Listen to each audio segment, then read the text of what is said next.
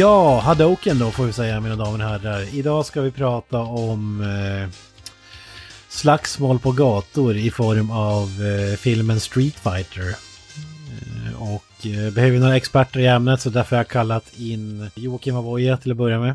Jag har ju döpt, döpt om mig, jag heter Joakim E. Honda numera. Ja, för fan. Ja, du har ju fysiken för att bära upp den eh, rollen. Det får, det får Ja, ja. Jag är stolt över det också. Ja fan, det är mycket street fight. Det här är väl någon slags här, dokumentär om, på gatorna om hur hårt det kan gå till så här på, i förorten. Visst är det så? Ja, men så är det. Det är lite Rocky möter eh, Leprechaun in the, in the Hood. Jag tänker att det är de här, jag kommer ihåg de här videorna, vad heter alltså, bara, massa videor på nätet, typ när han gick och spöade folk på gatan, vad fan heter han, den här Street Fighters snubben som senare blev UFC-fighter också. Kimbo Slice menar du? Kimbo Slice, ja. Det Kimbo Slice bio, biografi där. Ja, man kan säga att han, måste ha spelat spelen för han, han levde det in real life. Fan att han inte han var med i den här filmen, det är ju missed opportunity alltså. Han hade varit en perfekt, inte fan vet jag, Zangief kanske. Problemet, han var ju YouTube-kändis, jag vet inte fan, YouTube kan ju inte ha funnits 1994. Nej, i och för sig, det är ju sant. Var det, var det så att han blev var typ så värdelös när han var med i UFC också, sen att han typ fick däng av typ alla eller något sånt där. Jag kommer inte Kimbo. Slice var väl ganska framgångsrik vad jag kommer ihåg. Var han har det? alltså. Han, var ju inte i närheten bland de bästa, men han, han fick några segrar ändå. Men han var ju, han var ju bra i bare knuckle boxing som det kallas. Ja. Illegal sådan. han, han, han slogs på en jävla backyard någonstans i någon hillbilly ghetto i USA och någon filmare och folk bettade pengar. Det var ju Ja. under eh, vilda former, prison rules så att säga. Jag kommer ihåg att min storebrorsa som gillar Kimbo Slice, han gillade kolla på mycket av, visade mig många så Kimbo Slice-videor. Han badass som fan. Ja, RIP får vi säga, han lever ju inte idag. Nej, just det, han Det dog var inte jättemånga år sedan han gick bort. Han hade ju några magiska presskonferenser där han snackade om att hans motståndare hade baby nuts och skulle dra fram sina och visa att han inte, minns han inte hade några baby nuts. Ja, ja det, här, det är ett hyllningsavsnitt till Kimbo Slice alltså. Det här. Och på tal om baby nuts, vi har även med oss Joakim Granström live från eh, något träsk i Skellefteå. Zangief Granström och jag får be. Jag tänkte säga att du, du är med Sagat, är inte han thaiboxare? Sagat. Sant, men jag har inte riktigt kroppsbyggnaden där, jag är ännu större. Alltså, har, det är ju optiker, han har ju bara ett öga också. Det funkar. Precis. Ja, just det. Han, han har förrått hela Ja. yrkeskåren min så att säga. Ja. Han var före detta optiker, Sagat tror jag. Men visst är det så Sagat, visst är han thaiboxare i som mytologi inom spel eller vad fan Ja, det är i han. Han är ju baserad ja. på en riktig Muay Thai-fighter dessutom. Jaha, okej. Ja, för man, ser- jag kommer ihåg när man spelar, han så har ju som han är korrekt så här stand som man spelar, så där kommer jag ihåg. Det är lite coolt. För Jag tycker alltid, jag tycker Sagat är badass i spelen så fan. Jag vet inte, inte så mycket i den här filmen kanske, men det kanske vi kommer in på.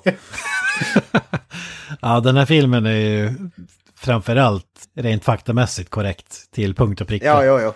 Den den här filmen är faktamässigt korrekt till så, så att säga att eh, Street fighter filmen existerar och det gör den här filmen också i och med att det är den. Ja, det är fan. Det, det är väl ungefär så mycket fakta som kläms in här. Ja, Men vi kan väl börja Street Fighter. De flesta tänker på spelen och framförallt Street Fighter 2. Det finns ju miljarder varianter av det spelet men det är ju det spelet som räknas. Ingen har ju spelat Street Fighter 1 till exempel utan det är ju tvåan som gäller. Vad, vad, vad säger du Granström? Det här, det här var ju under tiden vårat tv-spel pikade som vi har sagt tidigare. Under tiden som ditt tv-spelande pikade. Ja, bitt i alla fall.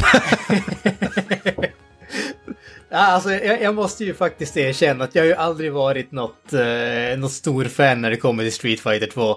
Eh, till stor del beroende på att jag aldrig hade någon Super Nintendo. Det var ju där som alla kompisarna spelade det. Jag har givetvis spelat spelet eh, till, ja, ändå spelade hyfsat eh, mycket hos kompisar och sådär. Men det var, det var ett spel som jag aldrig var speciellt eh, bra i helt enkelt, vilket med största sannolikhet föranledde mitt eh, relativa ointresse för, eh, för spelet också. Att, alltså, just de här 2D-fighting-spelen var jag aldrig bra på. Det var som aldrig min grej. Det var först när 3D-biten kom, alltså tecken och de spelen.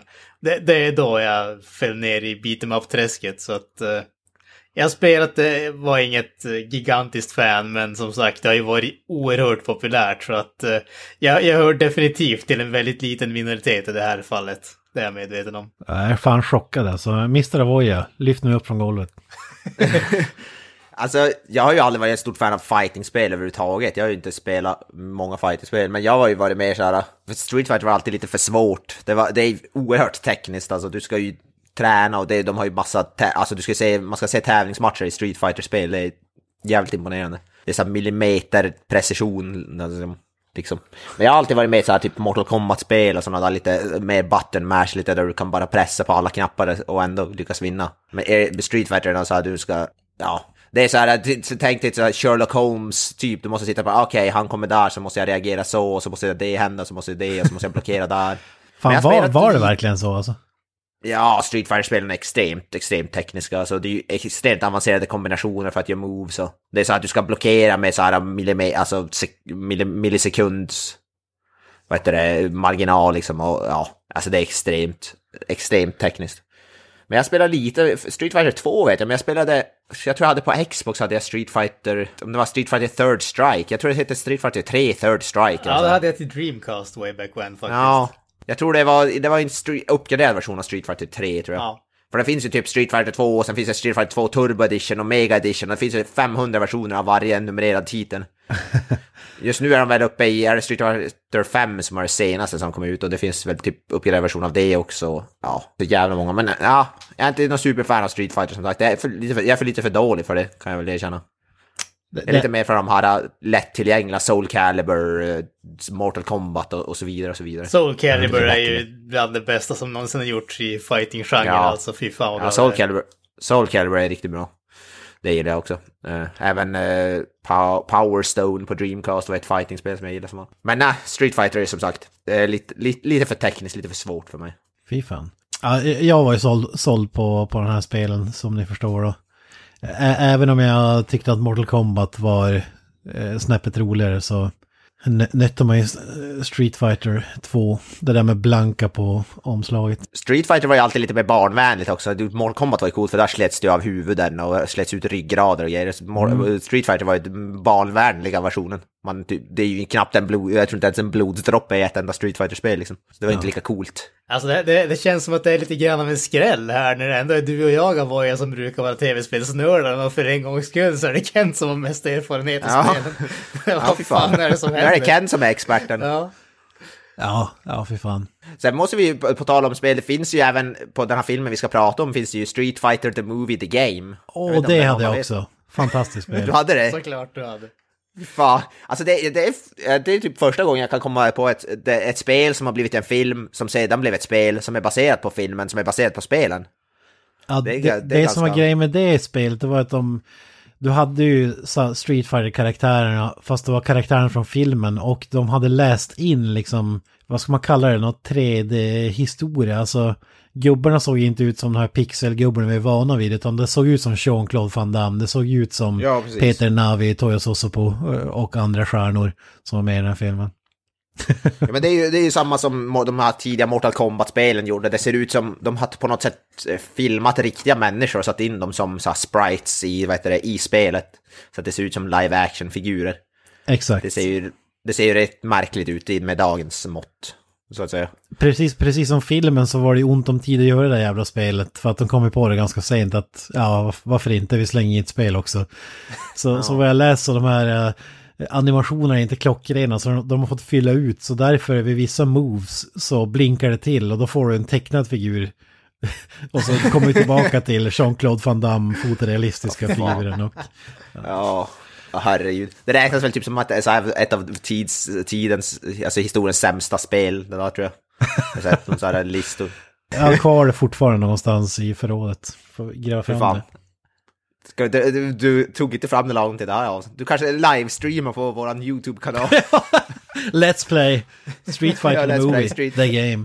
Jag, jag, Ja. ser, jag ser bara på omslaget till spelet på Wikipedia och det står det högst upp Digitized graphics from the hit movie. Hit-movie, ja, precis.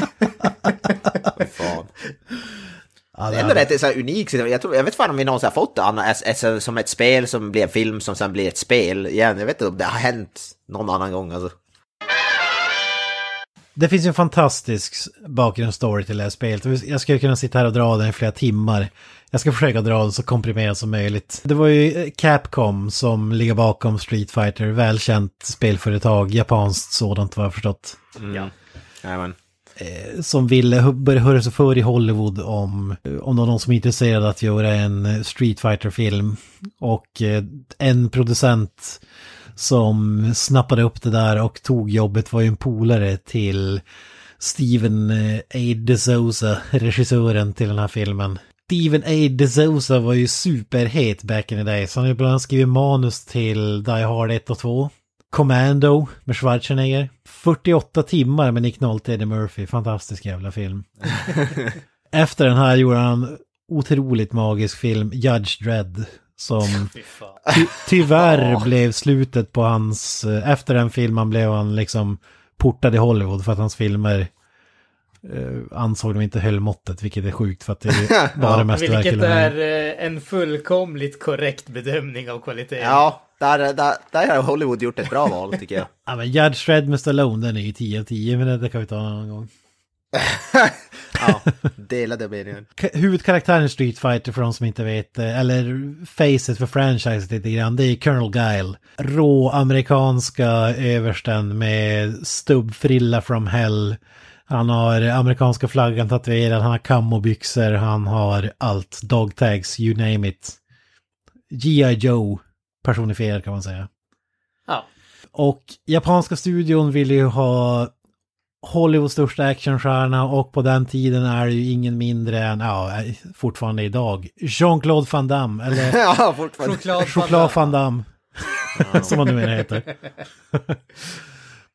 Extremt bra casting alltså. Ja, och Steven A. DeSouza han sa ju, han till de här japanska chiefen att ja, det kan bli lite problem här. Han ska han är huvudamerikan och The Muscles from Brussels. Han har inte klockren accent. Han, men de, de, deras svar är bara, vad fan pratar de om? Och så, ja men alltså han har en brytning, han pratar inte klockren engelska. Ja men det där, det där är bara svammel, för det visar sig att i Japan vid den här tidpunkten i alla fall så var alla filmer dubbade och alla skådespelare i Hollywood hade en japansk röstskådespelare så när de såg Van Damme-rullar de hörde ju en asiatisk snubbe som snackade. De, hör, de har ju aldrig hört Van Dammes eh, magiska brytning. de, bryr sig, de bryr sig inte. så så det, det var ingenting att välja på. Vi ska ha Van Damme och han tackar ja förstås. Hel amerikansk roll, det säger man inte nej till. Ja, ja fan vad kul. Mest amerikanska karaktär du någonsin kan, han är ju så här superpatriotisk och går omkring med så här amerikansk flagga och ja, fy fan. Och som eh, Colonel Giles ärkefiende då, M. Bison, så kastar man ju förstås Raoul Julia, känd från familjen Adams filmer bland annat. Ja, det är ju den bästa castingen tror jag. tycker jag. Han är väl den som är bäst rent skådespelarmässigt tycker jag i den här filmen. Jag tycker han är badass som fan. Han är ju utan tvekan den som är bäst i den här filmen. Han är ju också väldigt uppenbart den som har absolut mest kul i den här filmen också. Ja. Alltså det, det, jag tycker, jag, jag tycker... Det, det, finns ju någonting som heter chewing the scenery, alltså när liksom folk bara agerar så pass mycket så det liksom, det, det finns inte ungefär. Och det påstods att han dog av magcancer. Jag vill påstå att det, han dog av alla kulisserna som han käkade upp. Alltså det är ju... Ja. ja, alltså han, ja fan, han spelar ju över men han gör ju det typ ändå bra. Jag tycker, ja, jag tycker han är sjukt, han är den största behållningen med den här filmen. Ja, fy fan vad bra han är. Han är utan alltså. tvekan största behållningen. Det som jag älskar med hans framträdande här också, det är hur många, så, de här små handrörelserna som han har. När han liksom håller på med kappan sin och han slänger den över axlarna och allting sånt där. Jag älskar verkligen det. Det, ändå, det märks att han har lagt in lite, lite arbete på att skapa en karaktär här. Även om liksom mm. filmen i sig är urlöjlig. Alltså, i en riktigt bra Street Fighter-film så hade han, alltså, det hade kunnat bli sju bra som helst med han som Bison. Det är bara synd att resten av filmen han är med i är rätt cass. Men han är jävligt, han är jävligt badass tycker jag. Han har ju extremt uppspärrade ögon också, vilket jag, alltså psycho-ögon. Den Nicolas Cage eyes har han. Oh. Vampires Kiss, det är ju fan awesome. Fantastiskt. Problemet med den här filmen det var ju att när du har castat Van Damme och Raoul Julia då var ju i princip hela budgeten för filmen uppslukad. Så det är därför vi inte har eh, Dynamite eh, skådespelarlista i övrigt. Vi har ju Kylie Minogue. Det är kändisar överallt på det här stället. Ja, Kylie Minogue, det, det, det är jävligt weird alltså. Har- Har hon gjort någon skådespelarprestation för, före eller efter den här? Ja, den castingen älskar jag. Alltså, de hade ingen aning. Det var ju så här... Eh, regissören hade ju snackat med Capcom att ja, men max, max sju karaktärer, good and bad. Alltså, det, det är vad folk klarar av. Alltså, vi kan, de vill ju ha med alla karaktärer i hela spelet. Men han sa att ja, men max sju och det gick de med på. Men till slut blev det bara, ja, men kasta in den här, kasta in den här, kasta in den här, kasta in den här. Till slut var den uppe i 15 karaktärer i, i filmen för, för inte nog med att man skulle beta av samtliga 12 karaktärer i Street Fighter 2. Man skulle även ha tre nya karaktärer från Street Fighter Alpha tror jag att det heter. Spelet som kom efteråt. Och Cammy var en av de karaktärerna, Kylie Minogue. Och den här filmen spelades in i Thailand i fyra, fyra, fem veckor och så sen skulle resten, de andra fem, sex veckorna, skulle spelas in i Australien. Och det austra- australiensiska eh, liksom, filminstitutet, eller vad man ska kalla det, de tryckte på att fan, ni måste kasta en australiensisk skådis i huvudrollen. Så, så, så DeSouza, när han sitter på planet till eh, Bangkok alltså, och, och första inspelningsdagen, då bläddrar han bland de här gratistidningarna som finns på planet. Vet, det finns ju alltid instoppade i sätet framför. Ja, ja.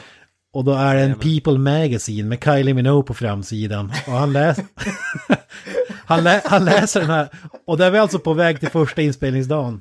Och han läser den här tidningen och, och läser att åh fan, hon har varit med i en dokusåpa i Australien och är bra snabb på att lära sig repliker. Eh, hon är känd, eh, hon ser ut att vara fysiskt fit för att klara den här rollen. Vi testar och eh, Fan vad magiskt. De bokar ett möte direkt och det tar ja, tre, fyra timmar så har de signat henne och hon är klar för den här rollen. Det är fantastiskt. Det känns som att det här förklarar jävligt mycket om filmen generellt. Ja, det där är då helt genomgående för hela filmen skulle jag vilja säga. Ja, hur fan. En, en annan man måste nämna i castlistan det är ju förstås Peter Navi Toyososo på Hon- Honda. Kent favoritskådis. Ja, fantastisk skådis. Vi, vi har ju snackat om honom tidigare. Han är ju med i... Vilken film var det han Scorpion var med i King. som... Var det i Scorpion King han var med i eller? Ja, Ja. Basketball, Fast and the Furious. Eh, Vi snackade om även när han var med i den här Mayans tv-serien. Ja, just det. Han får sin arm avhuggen efter typ fem minuter och dör. Eh, han är ändå... Jag vet inte, alltså, jag har inte så mycket koll på honom, men hans utseendemässigt så ser han ju ut som ändå Honda skulle jag ändå säga att han är. Ja men det tycker jag, alltså, gener generellt tycker jag att de har lyckats bra med den visuella biten. Alltså rent att få Ja. karaktärerna ser, karaktärerna i filmen ser ut som karaktärerna i spelen. Det tycker jag definitivt de har lyckats med. Förutom en viss, visst grönt monster som vi kommer till senare. Ja, från det då. Ja, men grejen med Ho- Honda och en sumobrottare från Japan i spelen och här jag ju en samoan helt plötsligt. Jag Ja. vet inte hur många, jag vet inte Ja, är många väl lite- samoan sumobrottare det finns där ute men eh, ja, nationaliteten kanske varit lite, lite sisådär. ja. Ja, han är ju, ha, ha, vad är han, hawaiian, vad säger man, hawaiiansk är han, Peter Navi. Ja, precis. Ja. Född på Hawaii. Ja, Som har det, det är väl många japaner som emigrerade till Hawaii så att det, det lär väl säkert finnas i blodet på honom. Så. Skulle jag inte förvåna mig i alla fall. Jag känner, jag känner att vi måste ju bara nämna Byron Man också som är, spelar Ryu. Dök upp i Altered Carbon, tidiga säsongen av Arrow, han är med Mingna som är Chan Li. Har ju varit nu senast, har ju varit med i Agents of Shield i typ 15 säsonger eller länge den serien- Mulan, hon är väl Mulan va, också. Ja. Röst- Rösten till Mulan. Men- skådisen som jag tycker snor hela filmen egentligen det är ju Wes Studi som spelar Sagat. Fan vad kung han är. Alltså. Western, just det. Känd från Heat, eh, Mystery Man, Sista Mohikanen och så vidare. Otroligt cool röst alltså och eh, den där ögonlappen går inte av för hack och det är lite Snake Plissken aura över honom. Jag, jag, jag, vill ju ändå slå ett slag för, jag, nu vet jag inte ens vad han heter, men Zang, Zangief skådisen. Den där stora typ ryssen eller vad fan han nu ska föreställa. Ja, vi pratat om honom tidigare. Han, han typ bästa castingen i en tv-spelsfilm i alla fall någonsin. Det finns ju ingen. Alltså, de, de har ju verkligen lyckats med utseendet med han. Alltså han är ju verkligen one-to-one. Och sen lyckas han ju göra, alltså... ha- Han eh, lyckas ju vara comic relief i en film där ingenting är seriöst på något jävla sätt. Uh, Andrew, Brynia, Andrew Bryniarski. Heter han i alla fall. Ja, superkänd. Ja, han, ja. Household name. En av dina husgudar. Jajamän. Absolut, absolut. Nej, jag kan inte minnas att jag sett honom i något annat än här, vilket är sjukt för att han, han borde kunna göra sig en karriär bara på att spela Zangief hela livet kan jag tycka. han har ju en av de bästa one-liners i filmen i alla fall, tycker jag. Det är i slutet mot filmen, men vi kommer dit sen också. Miguel Nunes Jr är väl ganska känd också. Var ju med i Friday the 13th Part 5. A New Beginning. Som jag har snackat om tidigare. Den som var med chokladscenen. Ja, exakt. Ja, jag tycker han är skön. Lite komediaktig skådespelare. Som så många andra i den här filmen. Ja, exakt. Men det fanns ju, det, det är ju inte jättekänt, men det fanns ju även påtryckningar. Det var inte bara Capcom som var, hade sin hand i den här eh, perfekta smeten som blev eh, mästerverket Street Fighter. Det var ju även leksaksföretaget Hasbro. Vi har ju kopplingen här för att de såg ju på Colonel Guile och Van Damme och säger att fan, han, han ser ut som en G.I. Joe. Guile här, som såg sin chans. Eh, G.I. Joe-leksakerna eller um, Action Force som de hette i Sverige. Eh, några år i alla fall. Jag minns som det snarare än G.I. Joe. De hade slutat sälja vid den här tiden. Så de hade en jävla massa leksaker kvar och e-, ett klassiskt knep var att ta kroppen från leksaker som blivit över och sätta på någonting annat och skapa något nytt för att spara pengar. Och de såg ju chansen här att fan om vi gör om frillan på den här figuren och så vidare så, så de släppte ju en Street Fighter The Movie Line. och det finns ett fantastiskt klipp på YouTube när de har den här reklamen. Då ser du liksom Blanka köra runt i en jeep och grejer så här G.I. Joe-aktigt. För att de vill ju, de vill ju återanvända de som de hade sålt så jävla lite av. Det är ju bland annat därför som Van Damme kör en, någon slags stridsvagnsaktig grej. Det var ju bara för att sälja leksaken för att de bestämde att Ja, Okej, vi vill vara med på det här tåget, men då måste han, för att de måste ha fordon till leksaker. Så, så det, det är därför Van Damme kör runt. För jag har alltid undrat, vad fan, vad fan har det med Street Fighter att göra? Han kör runt i några pansarfordon. För, alltså det är på hjul, men det är som en pansarvagn i övrigt alltså. Det, det är förklaringen, alltså det är Hasbro som gjorde en G.I. Joe line. Det var ju, det var ju tanken att det skulle bli så här, uh, lyfta G.I. Joe till nya höjder och bli liksom Street Fighter Universe med leksaker, men det blev ju tyvärr inte riktigt så. Ja, kan man inte påstå. Nej, de handlar nog snabbt i dollarbinnen ska jag... Alltså, Det är där man går på, vad heter det, myror där så ligger det i någon sån reaback typ. ja, 40 stycken pansarvagnar med Van Damme-figurer. Ja, 50 öre styck. Och som jag sa tidigare, den skulle spelas in i Bangkok och Australien inom tio veckor. Det är också en fantastisk story. Eh, när de har varit i Thailand i tre veckor, då inser de att... Eller anledningen till att de skulle vara i... Det är så som ville spela in den 90% på en soundstage i Australien bara för att han... Av eh, tidsskäl och så vidare. Men Capcom och de här, de sa ju att Ja men fan, det är bättre att åka till Thailand. Du har en budget på 30 miljoner. Men det är så jävla billiga arbetare i Thailand så det här kommer se ut som en film som kostar 80 miljoner.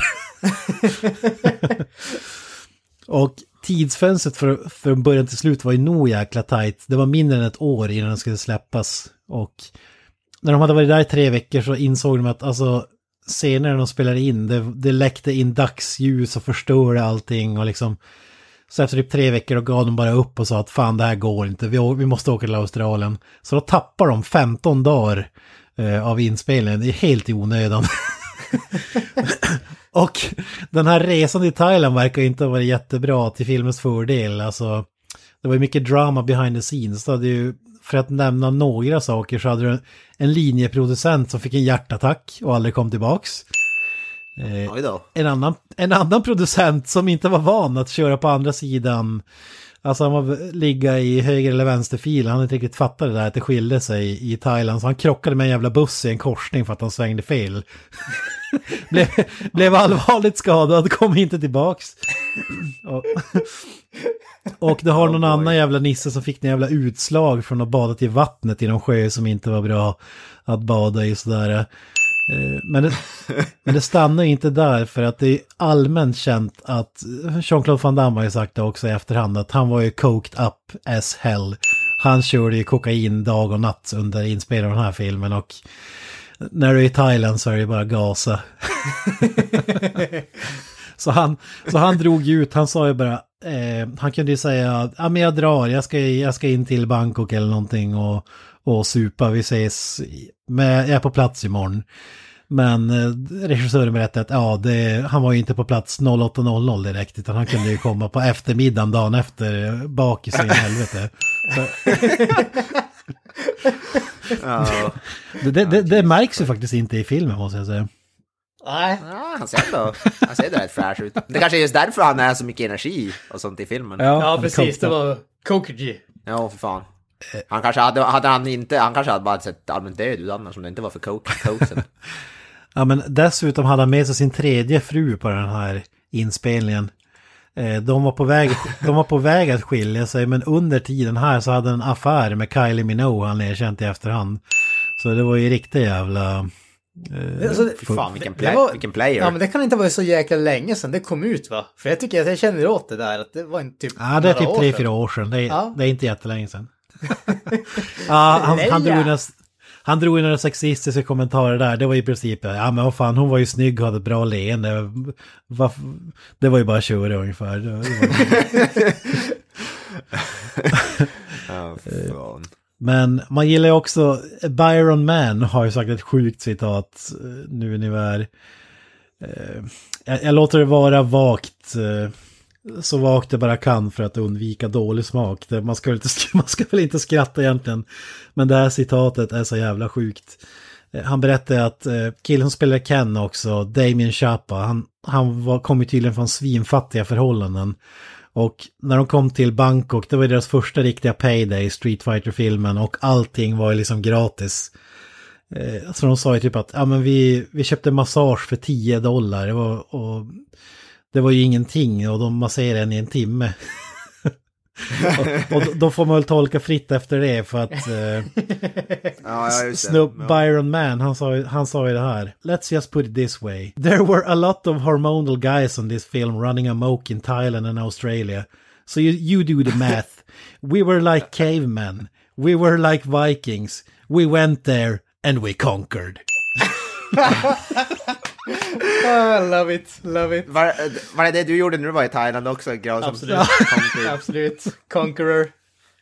Ja, jag kan tänka mig det. Vikings alltså, ja fy fan. Ja, man kan ju inte ens föreställa sig. Dessutom magiskt. åkte en av skådespelarna, oklart vilken, fast för smuggla in steroider när de skulle dra till Australien. Det är också en liten fin touch. My- Mycket, mycket härliga historier runt, eller otäcka också, men... Eh, man, man, först, Ja, man förstår varför eh, allting inte var klockrent. Nu när jag dragit sju veckors kuriosa, hade ni, vad säger ni om filmen? Hade ni sett den tidigare och sådär? Och vad var ert intryck eh, back in the days? Jag har sett den tidigare, det var fem miljoner år sedan, jag kommer typ inte ihåg någonting. Men jag har sett den. Eh, jag gillade den inte då så mycket tror jag. Och är väl typ under över, samma åsikt nu. Men ja, som sagt, jag, jag kommer ihåg vissa delar av när jag såg den, men det var i, i princip ingenting.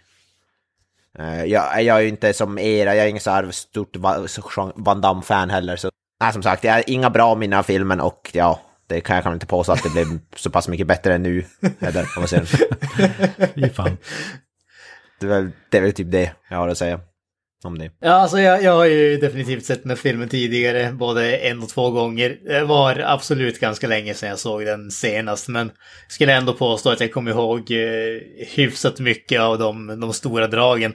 Och jag, jag tycker väl att den är någorlunda underhållande. Jag tycker inte att det är en bra film, men jag tycker ändå att den är typ hyfsat okej underhållning om man säger så. Det, det som jag, jag kommer ihåg att jag tyckte ändå att den var helt okej när jag såg den tidigare också. Det som jag varit lite förvånad över när jag såg den nu, det är hur jävla mycket camp det är i den här filmen alltså. Det, det är ju, alltså som sagt, Roll Julia är känns ju som att han är den enda som är typ seriös om man säger så. Han är den, den som skapar en karaktär. Alla andra verkar ju ha varit... Eh, eh, alla andra är som bara där för att vara där och ha kul och det känns lite grann... Eh, det, det känns som att filmen kommer aldrig riktigt ur det träsket om man säger så. Och jag, det som efter att ha läst lite grann om alltså, sådana här bakom kulisserna-grejerna känns det som att det känns inte som att det var meningen att filmen skulle vara camp om man säger så. Det känns som att den blev så därför att allting stulade till sig hela tiden. Det var produktionsproblem, det var problem med skådisarna, det var liksom oförutsedda saker konstant. Så de var tvungna liksom bara skita i att göra vissa delar av filmen mer eller mindre. Och det gjorde bara att slutresultatet blev typ en enda jävla soppa. Den här filmen är ju typ Batman och Robin av tv-spelsfilmer om man säger så. Alltså, du sa det där ganska bra som jag tänkte, alla förutom Raoul och Julia, de känns bara som att de är där. Det känns som bara, ja, det, det känns inte som att de är där och gör ett, ett jobb, de är bara där och typ latchar kring lite. Det känns typ exakt så jag ty ty tycker om. Det, det, det, ja, Ja, men det, det, i princip alla. Det, det är som, eh, det, det är som eh, Sällskapsresan ungefär. Ja, men vi kan göra filmen, då har vi en orsak till att ta semester ungefär.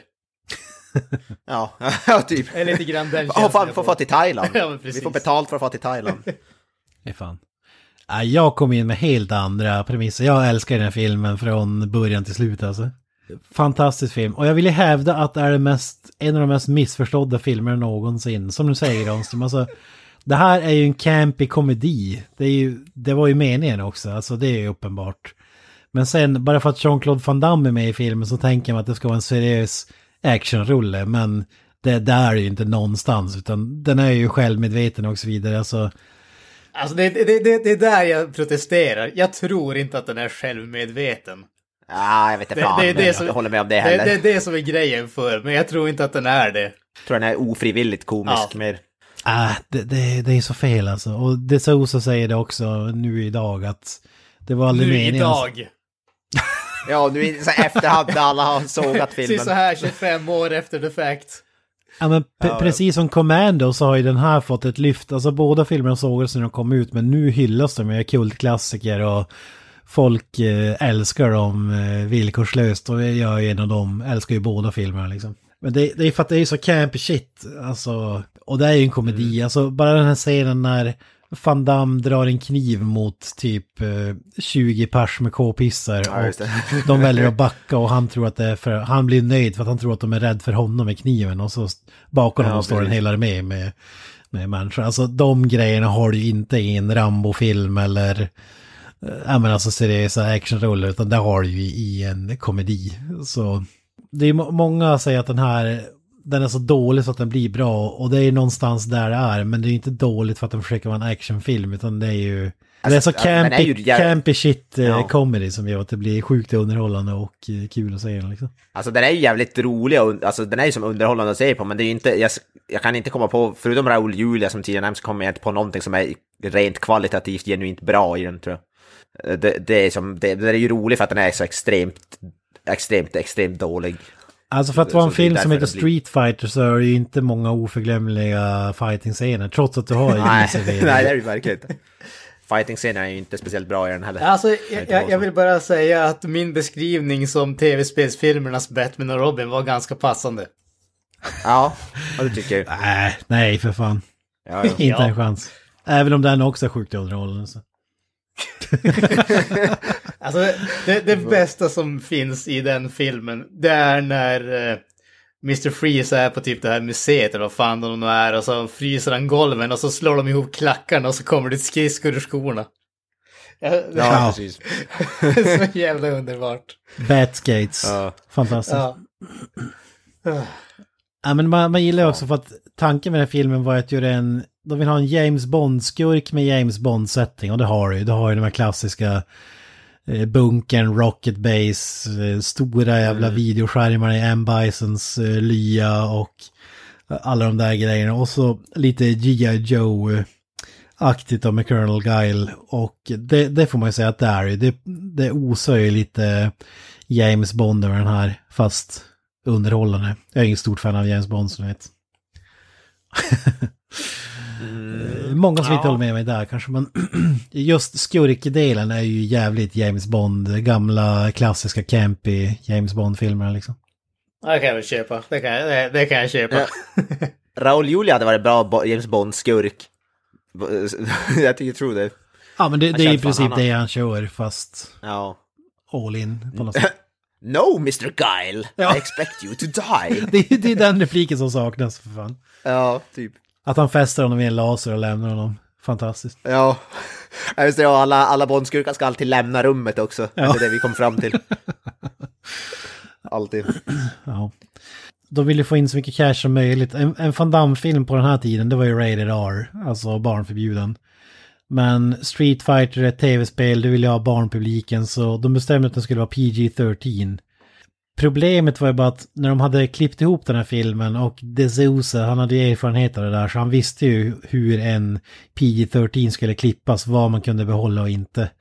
Men det var ju en snubbe som eh, sköt ihjäl eh, var det en eller två pers och skadade fyra som blev jävligt uppmärksammat i USA.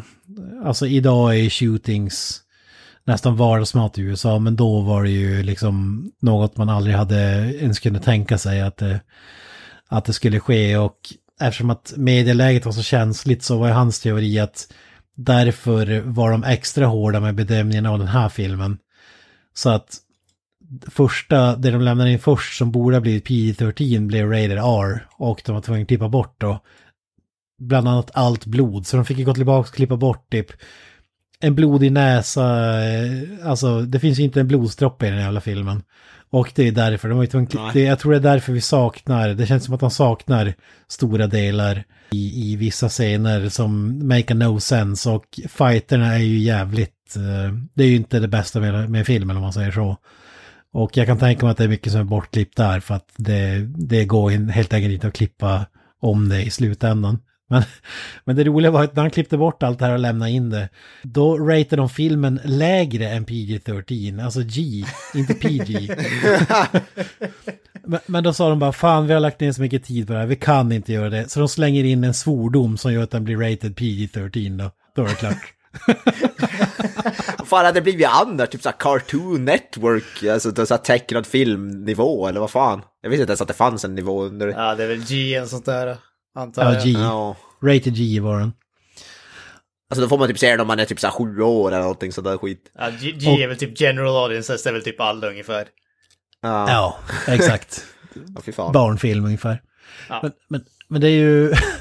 jag försöker tänka vad fan vilken svordom det är och jag misstänker att det är när Ken, när de ska fly från ett fängelse i en scen, när han säger go to hell till Sagat. Det är den enda svordomsaktiga grejen egentligen kan ha lokaliserats.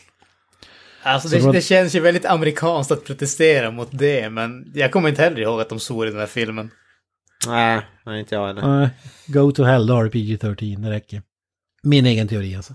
Vi, vi måste också nämna innan vi går in i själva filmens handling och så vidare att Raoul Julia, som du sa, magcancer. Han var ju dödligt sjuk under den här filmen. Det blev ju sista filmen gjorde också, det känner ju typ alla till.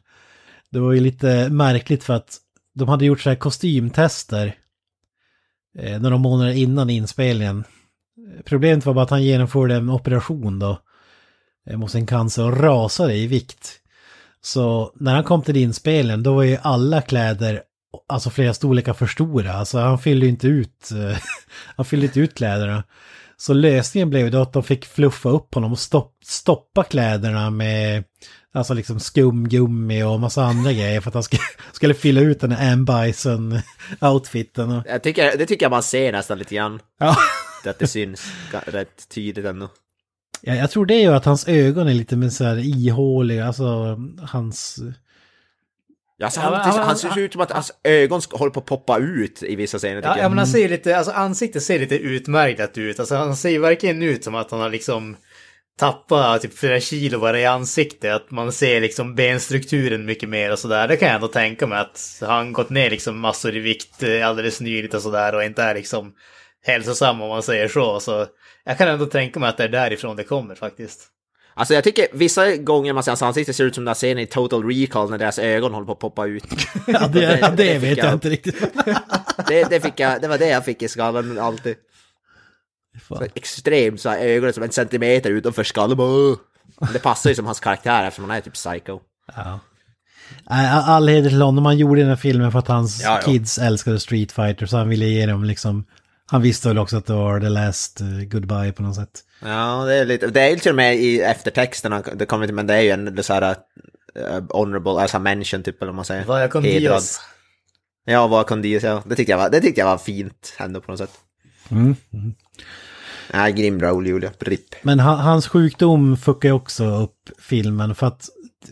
Jag sa ju, de tappar ju flera veckor med tid. De hade ju sjukt lite tid på sig men tappade ju 15 dagar till. Och det är därför, anledningen till att vi har så få slagsmålscener är för att stuntsnubben hade blivit lovad att kunna träna skådespelarna i flera veckor och så sen eh, spela in fighting-scener. Men eftersom att Raoul Julia, han hade ju så här strålbehandling och grejer så han blev ju bara sämre och sämre och svagare och svagare. Så då var ju tvungen att vända då och det, det hade ingen tydligen sagt förrän de kom till filminspelningen och de insåg vad fan han väger ju typ 20 kilo mindre, han har, han har inga muskler, det, kommer bara, det här kommer bara bli värre så vi måste spela in hans, de scener som kräver fysik, alltså fighting-scenen. Så spela in liksom the final battle först för att han skulle orka sig igenom resten av filmen. Och då, då förstår ni att okej, noll träning, då, alltså gå från Adams Family till att vara liksom kampsportfilm utan träning, det är ju det är vad det är liksom. Lättare sagt än gjort om man säger så. Ja, ja, precis. Hänga i massa vajrar där, cancersjuk och ja, fy fan. Jag kan inte ens tänka mig hur tragiskt måste ha varit för honom. Men som sagt, Ja. kul så att han bet ihop och körde. Ja, ja. Han är ju sjukt badass alltså. Ja. Men ja, det, det fuckade också upp hela filmen för de var tvungna att vända på allt och det var ju scenbygget var inte klart, färgen hade inte torkat på vissa grejer men de var ändå tvungna att spela in skiten så det, det var ju också lite grus i maskineriet så att säga. Ja. Eh, Men in, innan vi går in och pratar i själva filmen, vi har, vi har ju tänkt testa en ny grej här. Eh, Istället för att vi ska sitta och, och babbla om filmen i all evighet, eh, vilket vi i och för sig, i och för sig typ redan gjort. Men så tänkte vi göra, testa ny grej, försöka dra handlingen på under tre minuter. Berätta hela filmen, Ja, så här ja, mm. spoilar vi skiten nu från början till slut. Så ni som känner att det här är tre minuter ni aldrig fått tillbaks, ni, ork- ni bryr inte om handlingen, ni kan ju hoppa framåt tre, fyra minuter så. Jag skulle inte kla- klandra er heller, ni, ni kan skippa det här avsnittet skulle jag vilja, vilja säga. Nej för fan, det är magi. Skippa fil- filmen, skippa avsnittet, gå bara vidare i livet. Ja men då kör vi. En eh, maktgalen diktator vid namn Anne Bison, Raoul Julia alltså, har byggt upp ett imperium med hjälp av droghandel och har använt sina pengar för att utrusta en egen armé med högteknologiska vapen. Colonel Guile, alltså Choklad Van Damme, leder Allied Nations, AN, de hade inte råd att eh, köpa namnet till UN, FN alltså. Eh, en armé som ska bekämpa Bison som har tagit en grupp AN-människor som gisslan. Bison kräver en lösensumma på 20 miljarder dollar för att släppa dem.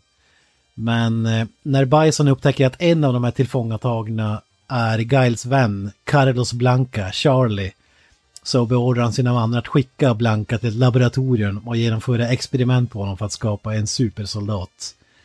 Samtidigt så håller svindlarna, som det så häftigt kallas, Kenny Ryu på att försöka blåsa vapenhandlaren Victor Sagat genom att sälja fejkvapen till honom. Men deras scam avslöjas, Ryu tvingas slåss med Sagats främste gladiatorkämpe Vega. Men innan de hinner kämpa till döden så stormar Guile, alltså Choklad van Damme, in med en pansarvagn och griper alla. Han lyckas sen övertyga Kenny Ryu att infiltrera Sagat och Vegas gäng för att komma åt deras polare Bison och i gengäld för det här så slipper de fängelse. Ken och Ryu bryter sig ut ur fängelset och får Sagats förtroende genom att Ken skjuter ihjäl Van Damme som sedan visar sig ha fejkat sin död och själva flykten från fängelset för att spåra Bisons högkvarter. Samtidigt så har vi ett nyhetsteam som är på plats och rapporterar från det här kriget. Eh, det handlar om Chan Li, vars pappa mördas av Bison, samt Honda och Balrog som vill hämnas på Bison för att han har förstört deras karriärer. Don't ask why. Professor Dalsim är fånge hos Bison men hjälper i smyg Van Damme. Guys polare Blanca som de pumpar full med färgglada steroider och visar krigsfilmer för 24-7. Clockwork Orange style. Eh, Guile genomför sedan en attack mot Bisons bas genom att ta sig in via en stealthbåt som inte syns på, på en radar. Detta trots att myndigheter beordras om att avbryta attacken. Då de vill böja sig för Bison och betala lösensumman. Jean-Claude Van Damme och hans gäng planterar en bomb och det slutar med att han går en final battle mot Bison, mördar honom, tror han. Men det visar sig att Bisons högteknologiska system återupplivar honom och ger honom elektromagnetiska krafter som gör att han kan skjuter blixtar och kan levitera fantastiskt nog. JCVD gör ju dock det han gör bäst, sparkar ihjäl bajsen som flyger in i en gigantisk exploderande monitor. Gisslan tar sig ut, men när Guile ska frita sin polare Blanka så vill Blanka stanna kvar. Och det här är lite märkligt för han har ju, det, det går, filmen går ut på att rädda honom.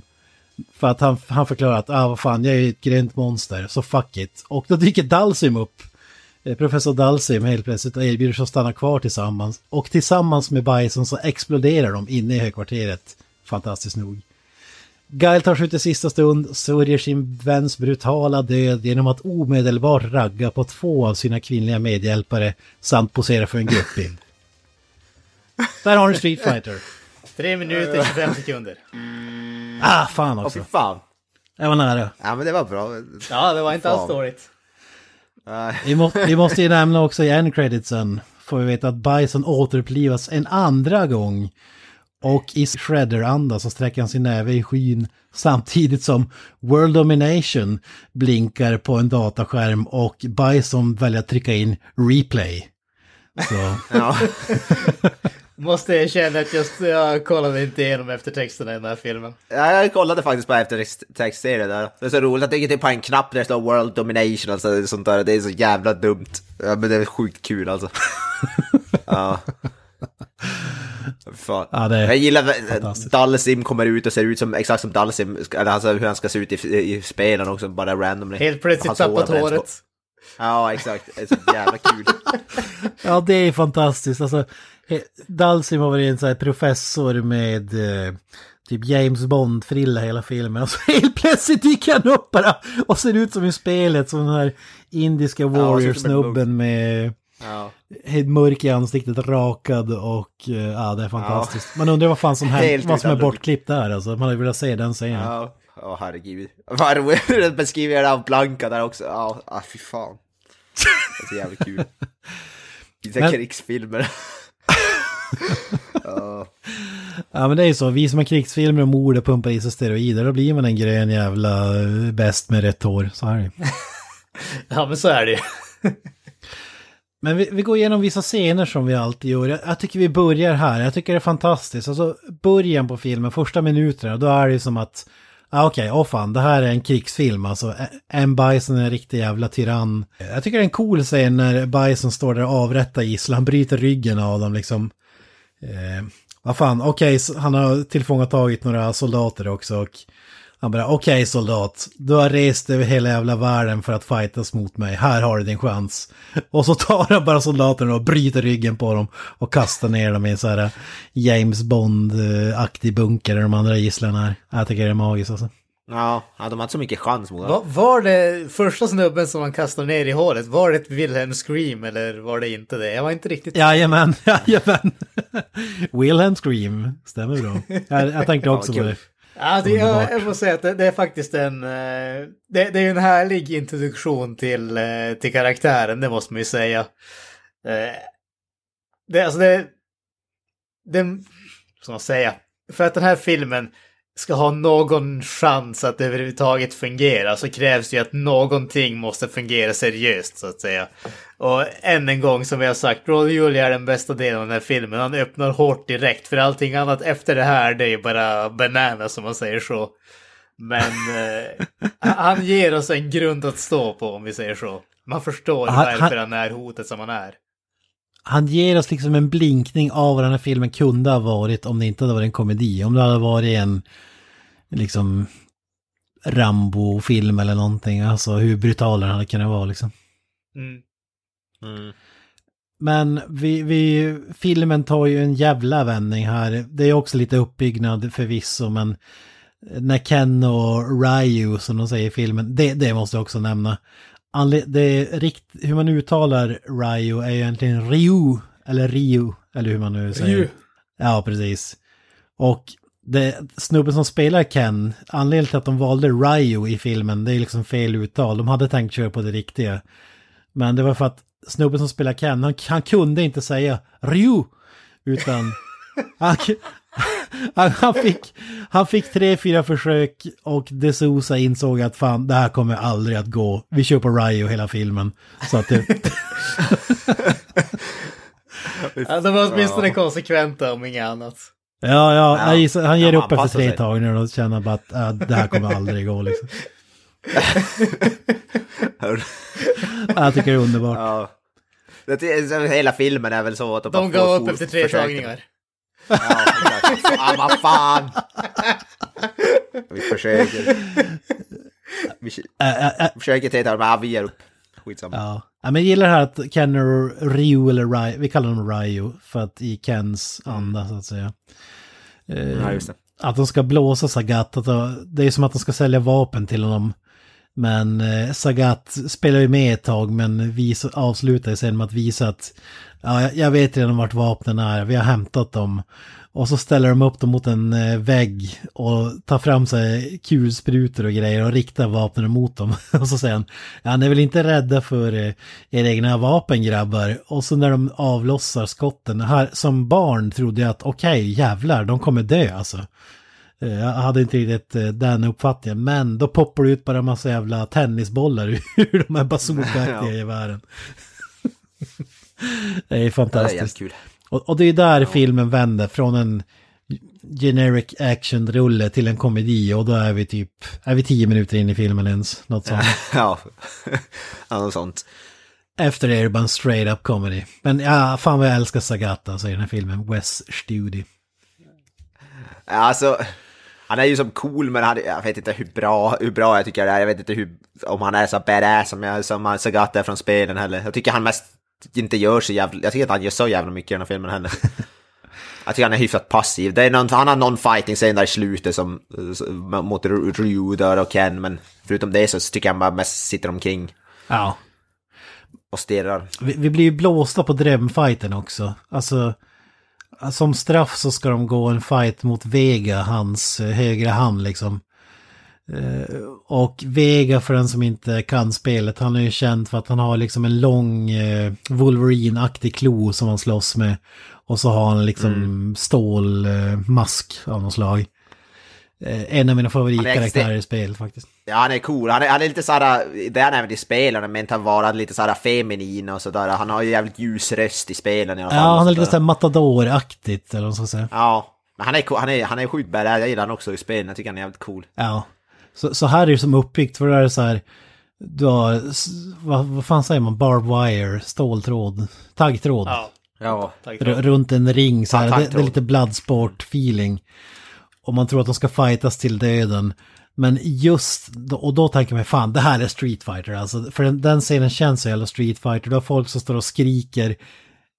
en jävel bara skriker rakt ut. Det är jävligt kul när de klipper till honom, alltså i närbild i publiken. Eh, och jag vet inte vad du säger Hans, men här förväntar man sig liksom århundradets fight. Men då står man ju Damme in med sin jävla G.I. Joe-tank och först innan fighten hinner köra igång. Ja, men alltså... jag måste säga att alltså... Det börjar ju bra när man ser den här konkurrensen mellan Vega och Ryu, om jag ska kalla honom så, som eh, har kommit från ingenstans när hon, den där tjejen sliter av honom kläderna. Ja. alltså det, vi får ju ändå den där härliga komedin och så när den där tjejen i publiken bara lämnar bort lappen där Vegas namn står och får den där öppen reaktionen från honom. Så att eh, jag tycker ändå att, ah, jag tycker det var ändå lite eh, komiskt. Ve jag, jag tycker Vegas ser ju perfekt ut i den filmen. Det, det är exakt som jag tänkte mig Vegas ska se ut i en live action-film också. ja, absolut. Han är dessutom en han, han grym är... kropp. Alltså, han är ju fan typ bara muskler den där snubben. Ja, han är sjukt... Eh, och Vega, han pratar ju inte så mycket, eller vilket Vega inte gör i spelen heller tror jag så mycket. Han, de har, Vega har de verkligen fått till perfekt. Ja, han, han slåss ju knappt någonting i filmen, vilket är jävligt synd. Nej, det är han, han är, vi, får, han vi får ju en liten avslutningsfight där med Ryu senare i filmen.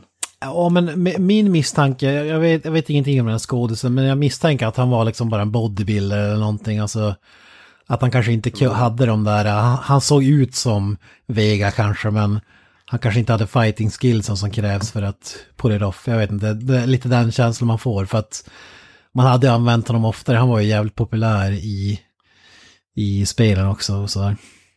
Mm. Ja, sjukt cool Vega. Sny, snygg kar, får man säga. Som, li, som Linus skulle ha sagt. Grannkarl. Absolut, en grannkar, absolut. En grannkarl är det. Eh, vi, kan- vi kan väl, väl ta introduktionen av det här nyhetsteamet. Det, det känns inte som så här supersmart val att jobba undercover genom att sända worldwide från det här kriget. Eh, jag vet inte vad ni säger om det. Chan Li, Honda och Balrog. Ja, de står, jag tycker att det de är inte så, alltså de står ju ut alla tre på sitt eget sätt tycker jag också. De är inte så mycket everyday. Jag menar att E Honda ska vara undercover. Alltså, okej, jag, kan, jag kan ändå jag kan köpa Chan Li. Alltså, asiatisk kvinna i typ Thailand, okej, hon smälter väl in typ någorlunda. Men sen randomly så har du en sumobrottare och en amerikansk boxare. What? Ja, alltså Charlie hon är ju logisk, för hon säger ju också att hon vill ju framstå, hon vill ju lura Bison tro att hon är så här försvarslös och sånt. Men sen har hon då världens två bodyguard som, ja, då, då skulle, då skulle inte kunna vara mindre konspicuous conspicuous eller vad man säger. Alltså Peter Navitorius också på eh, Honda. Alltså han är ju som du skulle säga Avoya, korpulent minst sagt. Ja, Men, ja men de gör ju allt de kan för att få honom att verka ännu mer korpulent än vad han är. För att när de sitter i en sån här van och spelar in, eh, de är liksom tekniker och hon är reporter och så sitter de i vanen och när han ska ta sig förbi Balrog då, då har han typ så här en meters space tomt men han väljer ändå att trycka upp sin kagge mot Balrog så att han mosas mot panelen. Det, det är sådana små detaljer som jag tycker är fantastiska alltså för att få honom att kännas gigantiskt. Samma typ när han, när han kliver ut i bilen, det är som att fjädringen hoppar ju upp två meter i luften när han kliver ur den sådana grejer. Underbar touch och ännu ett bevis på att det är en komedifilm så att säga. Ja, ja, för fan. Ja, ja, att det är en komedi har jag inga tvivel om. Frågan är bara hur, eh, hur mycket det var meningen att det ska vara det. Man, man gillar också motivationen, alltså Chan Li, eh, en Bison, han har mördat hela hennes by, hennes farsa och så vidare. Men Honda och Balrog, deras enda motivation... karriär! Ja, han förstörde vårt rykte och vår, därmed vår karriär. alltså det är så, okej, då ska vi mörda honom liksom. Det känns så jävla... Det, Jag tycker dock faktiskt Peter Navi, alltså hon, jag tycker han är bra komisk time. Jag tycker han är väl en av de roligare karaktärerna. Jag tycker, Ja, ja, jag ja. tycker han är skön som fan. han borde ju, alltså han borde ha tio Oscars vid det här laget. Ja, alltså, jag vet inte hur bra skådespelarmässig han är, och så, här, för jag är inte så, men han är ju rolig. Jag tycker han är rolig som fan. Han är ju bra som timing så, alltså, one-liners och sånt där. Ja. ja, det var här kärleken för honom växte. Åt alla håll, så att. Det var här den började. Då, ty- då så tycker jag hans kompis där, Balrog, han är väl kanske tvärtom. Jag tycker han var ganska anonym och intetsägande. Jag tyckte Ja. inte, han gav inget in- större intryck alls. Tycker han är kast. Det är uppenbart att hela det här gänget är ju, som jag sa, de hade ju tänkt ha sju karaktärer och de slängde in 15 Capcom och eh, det här är uppenbart att alla de här tre var ju förmodligen, skulle ju egentligen inte ha varit med i filmen om det inte hade varit för att de slängde in dem i Alltså, sista det är inte ens en karaktär jag kommer ihåg speciellt mycket från spelen, den här Balrog. Jag kommer ihåg, jag har vagt minne av att han finns med, men det är som ingen, det är absolut ingen av de här mer populära karaktärerna. Man, man gillar också att han är boxare, för i slutet av filmen då tar han på sig boxarhandskar och ska fightas mot folk med k-pist liksom. Det är fantastiskt också. Ja, precis. Han han är rädd för att skada dem lite för hårt, hans motståndare. Så han måste ha kuddar på händerna. Ja, det är magiskt. Och så måste vi nämna fantastiska scener som vi pratat om här. Dalsim och Blanca, introduktionen av dem. Eh, Som sagt, eh, Van Dams polare blir skickad till ett laboratorium. Och där, det måste ju vara att det är medvetet val. De tänker ju typ, hur fan ska vi få honom till? För att i spelet är man bara ett grönt monster som bor i djungeln i någonstans. Ja, typ i Brasilien. Och här måste de hitta ett sätt att logiskt förklara varför han är ett grönt jävla... Han ser ut som Hulken, vad fan heter han? Gamla tv-serien Hulken. Lou Ferrigno. Lou Ferrigno utan muskler liksom. Så han är ju målad grön på samma sätt och knallröd frilla. Och det är så jävla kul för att de rullar in då, det står så här typ, eh, vad står det, DNA mutagen, lite Ja. Turtles-feeling där. Ja. I färggranna Alltså, färger. grönt och rätt. Han ser, ut som, han ser ut som en grönmålad gammal tant tycker jag, i princip. Han ser ut som, alltså, han ser ut som så här Agda, 75, som har dragit på sig ett helkroppsmålning, typ. Ungefär lika biffig också tycker jag. tycker, cancersjuk. Han- Han ser lite ut som en grottmänniska eller någonting tycker jag. Så jag tror Ja. lite det de tänker. Ja, alltså ser ju verkligen inte... Han, han ser ut som, ja, som du sa, som en sämre version av Lou Ferrigno i Hulken. Lou Ferrigno är ändå rätt biffig och ser rätt eh, hyfsat cool ut ändå som Hulken. Ja men Lou Ferrigno Men, utan ja, muskler, det är typ så han ser ut. Ja, exakt. Bara grönmålad, Li- Nej. lite som Robinson-Robban där när han målar sig blå, typ så. ser han ut. Alltså Blanka i spelen är ju som sagt en, är som ett monster, Han ser ut som något typ apliknande monster med jävligt stor frilla och kan typ skjuta el eller fan det är han kan ju i spelen typ. Det är ju inte så mycket blan- korrekt Blanka det här. Ja, men jag, jag gillar ändå komiska...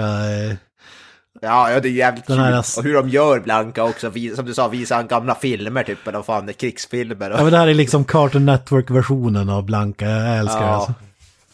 Ja, så jävla kul. Och Dalsum, hur ska man beskriva honom i spelet? Han är rakad, han har liksom dödskall, eh, halsband och grejer. Han är ju lite som, vad heter det, från Fantasia 4, han har så här gum, som den här eh, Mr. Fantastic, Ja. han har gummiarm, han kan sträcka Ja, ut sig. precis. Han kan sträcka ut så han kan typ sväva och sådana grejer. För för mig är ju han en av de coolaste karaktärerna i tv-spelen. Jag, jag, gillade, jag kommer ihåg att jag gillade alltid Dalsin, men han, han får ju fan ingen...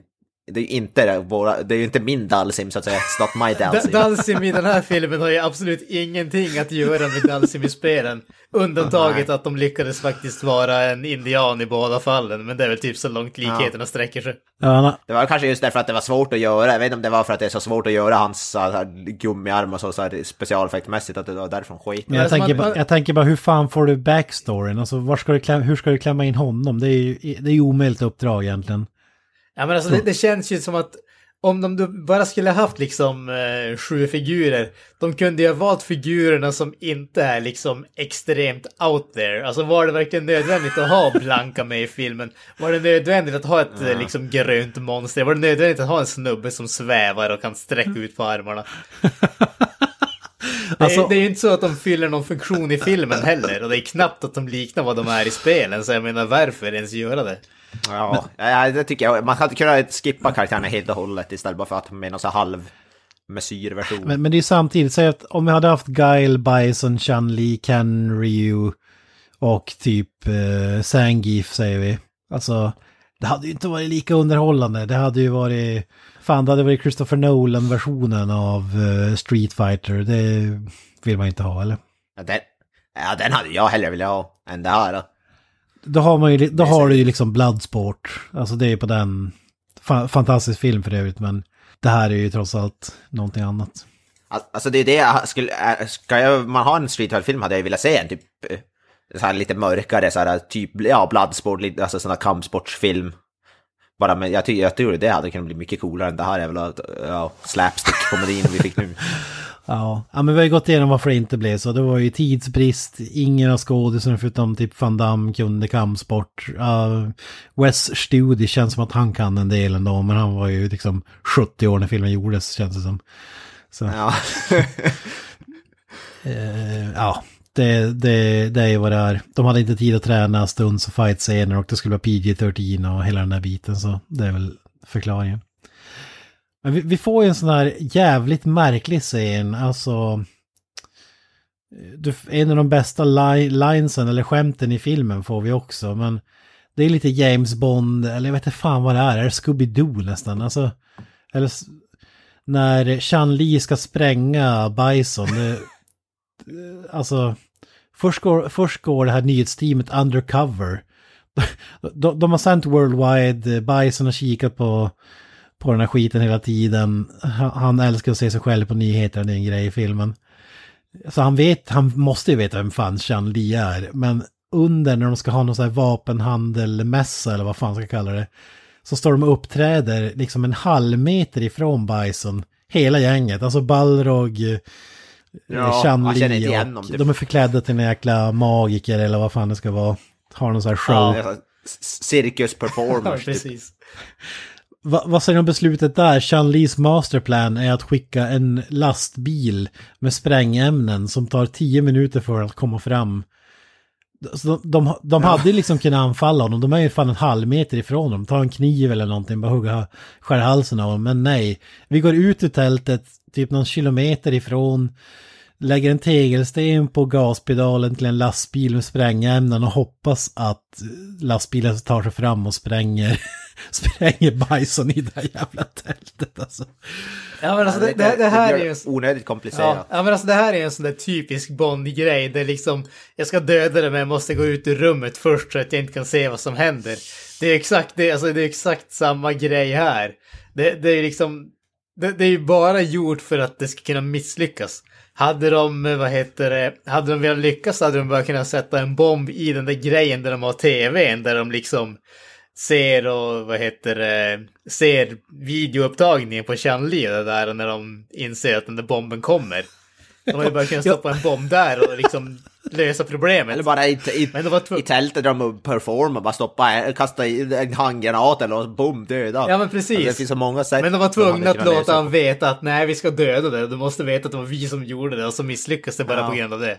Ja, alltså Ja, det, är det, exakt. det är det som är så jävla märkligt för att när, när den här lastbilen rullar sakta då bryter de in och då är det en tv som startar i, ett, i rummet där de har haft sina grejer. Så Bison kikar på tvn och då säger de typ ja okej Bison nu spränger vi dig i luften, haha, springer därifrån och så är det typ fem minuter kvar innan lastbilsjäveln har kommit fram. Alltså det är så jävla märkligt.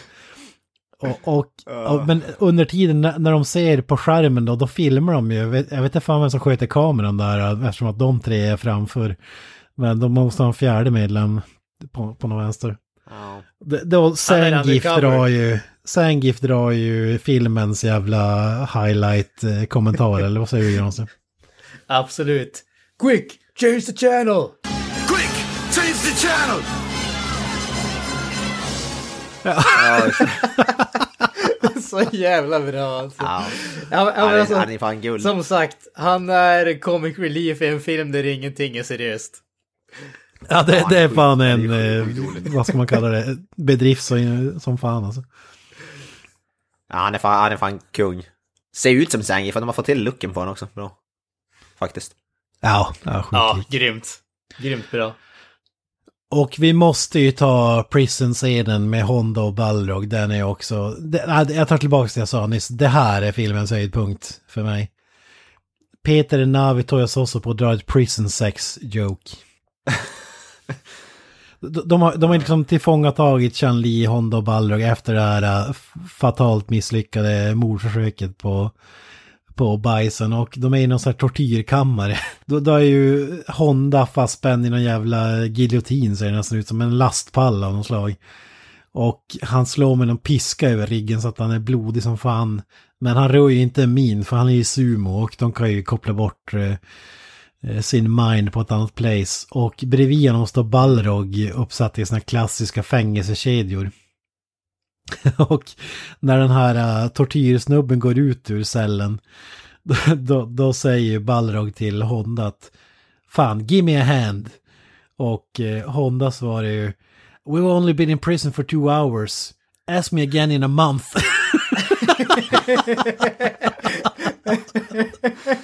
det är så jävla bra alltså. Uh, Att den gick igenom PG-13 är ett mirakel, måste jag säga. Oh, Jesus Christ. Du gillar inte den, Ahoy? ja, ja, ja. ja. Nej, Jag tycker hela scenen där. Det är ju som... Ja, det är mycket innu... Alltså hela scenen är ju som en enda stor, vad heter det, innuendo eller vad man ska säga. Ja, det, ja, det är fantastiskt. Den har djup, den här filmen alltså. Ja. ja, kan man ju lugnt säga. En annan scen som måste nämnas är ju Van Dams brandtal. När det kommer den mest brittiska snubben i brittiska stereotypers historia och säger att Ja men fan, vi böjer oss för Bisons uh, gisslankrav. Avbryt den här attacken. Han ska ju, han är redo att köra den här, sitt suicide mission med att köra den här båten och förstöra försvaret för att eh, de ska kunna inta basen, övriga militärstyrkorna. Och ja, Mr. Oya, vad säger du om hans brandtal här till soldaterna? Ja, det, jag tycker det är, det, det är ju det vad heter det, motiverande. Vad han säger där, do you wanna come with me or do you wanna go home? Eller vad han säger. typ, we can go home. Och typ, Or, och, ja precis. Ja. We can go. We get Nej, to det- go home. Our Ja. friends died for nothing. But we get to go home. ja. Ja, det, är- det ändå tycker jag är bra. Det är ju bara synd att, han, att man knappt förstår vad han säger om man inte har subtitles. Det är en helt annan femma. I'm not going home. I'm gonna get on my boat and I'm going upriver and I'm going to kick that son of a bitch bison's ass so hard That the next Bison wannabe is gonna feel it. Är det i klass Nej, det- med Braveheart-speechet och eh, alla de här kända?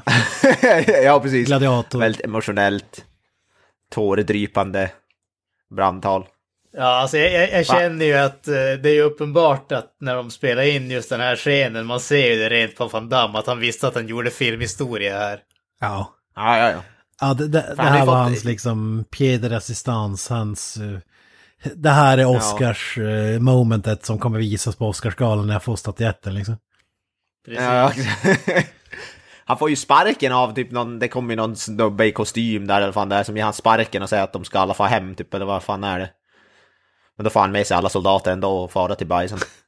Hans legendariska, den är ju i klass med Put that cookie down och så vidare, andra one-liner klassiker. I'm gonna kick that son of a bitch Bison's ass so hot! The next Bison wannabe is gonna feel it, eller vad han säger. Ja. Det är ju så jävla...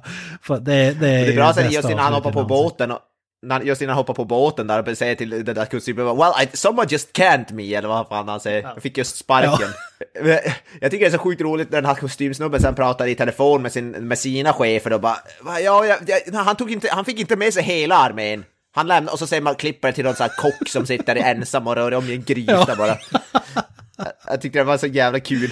Det är det enda som han- inte Van Damme fick med sig. Ja, Då garvade jag ganska gott. Ja, ja, det är underbart. Han var alltså nöjd. Nej, han fick inte med sig alla. Inte alla.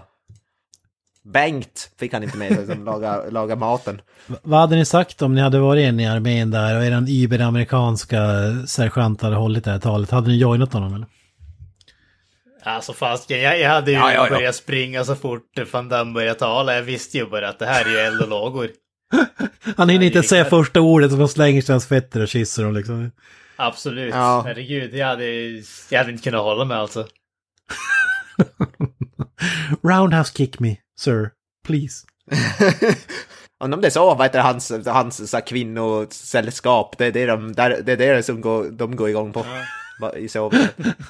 Jävla bra roleplay alltså. Jag kan bara, Ja. kan bara nämna, bara för att jag kollade på det på, vad heter det, IMDB för en liten stund sedan. Snubben, den där ensamma kocken som är, eh, som är kvar. Ja. Han är en producent på filmen, men han har tydligen producerat en jäkla massa grejer. Bland annat Conan har han producerat, Conan the Barbarian. Fy fan. Och fy Ja, fan. han har gjort eh, typ flera sådana där eh, hyfsat flashiga filmer. Das Boat, Oh. The Crow. Fan. Så att, eh, Fy fan, det är det största stjärnan i filmen är kocken som Ja. sitter på... det är Ja, fan det är grisar. bisarrt nog alltså. Ja. Judge Dredd. Oh, nu snackar vi. I am the law. Det sak, saknas ju bara, saknas bara Stallone i den här filmen. Ja, två brandtal. I am the law och det här kick that son of a bitch Bison är so hot. så hard. En, en annan scen som är fantastisk, det är ju nu får full Godzilla-fighter mellan Honda och Sangif. Ja, just det. Man får till och med Godzilla-ljud också. Ja, fy fan vad dumt.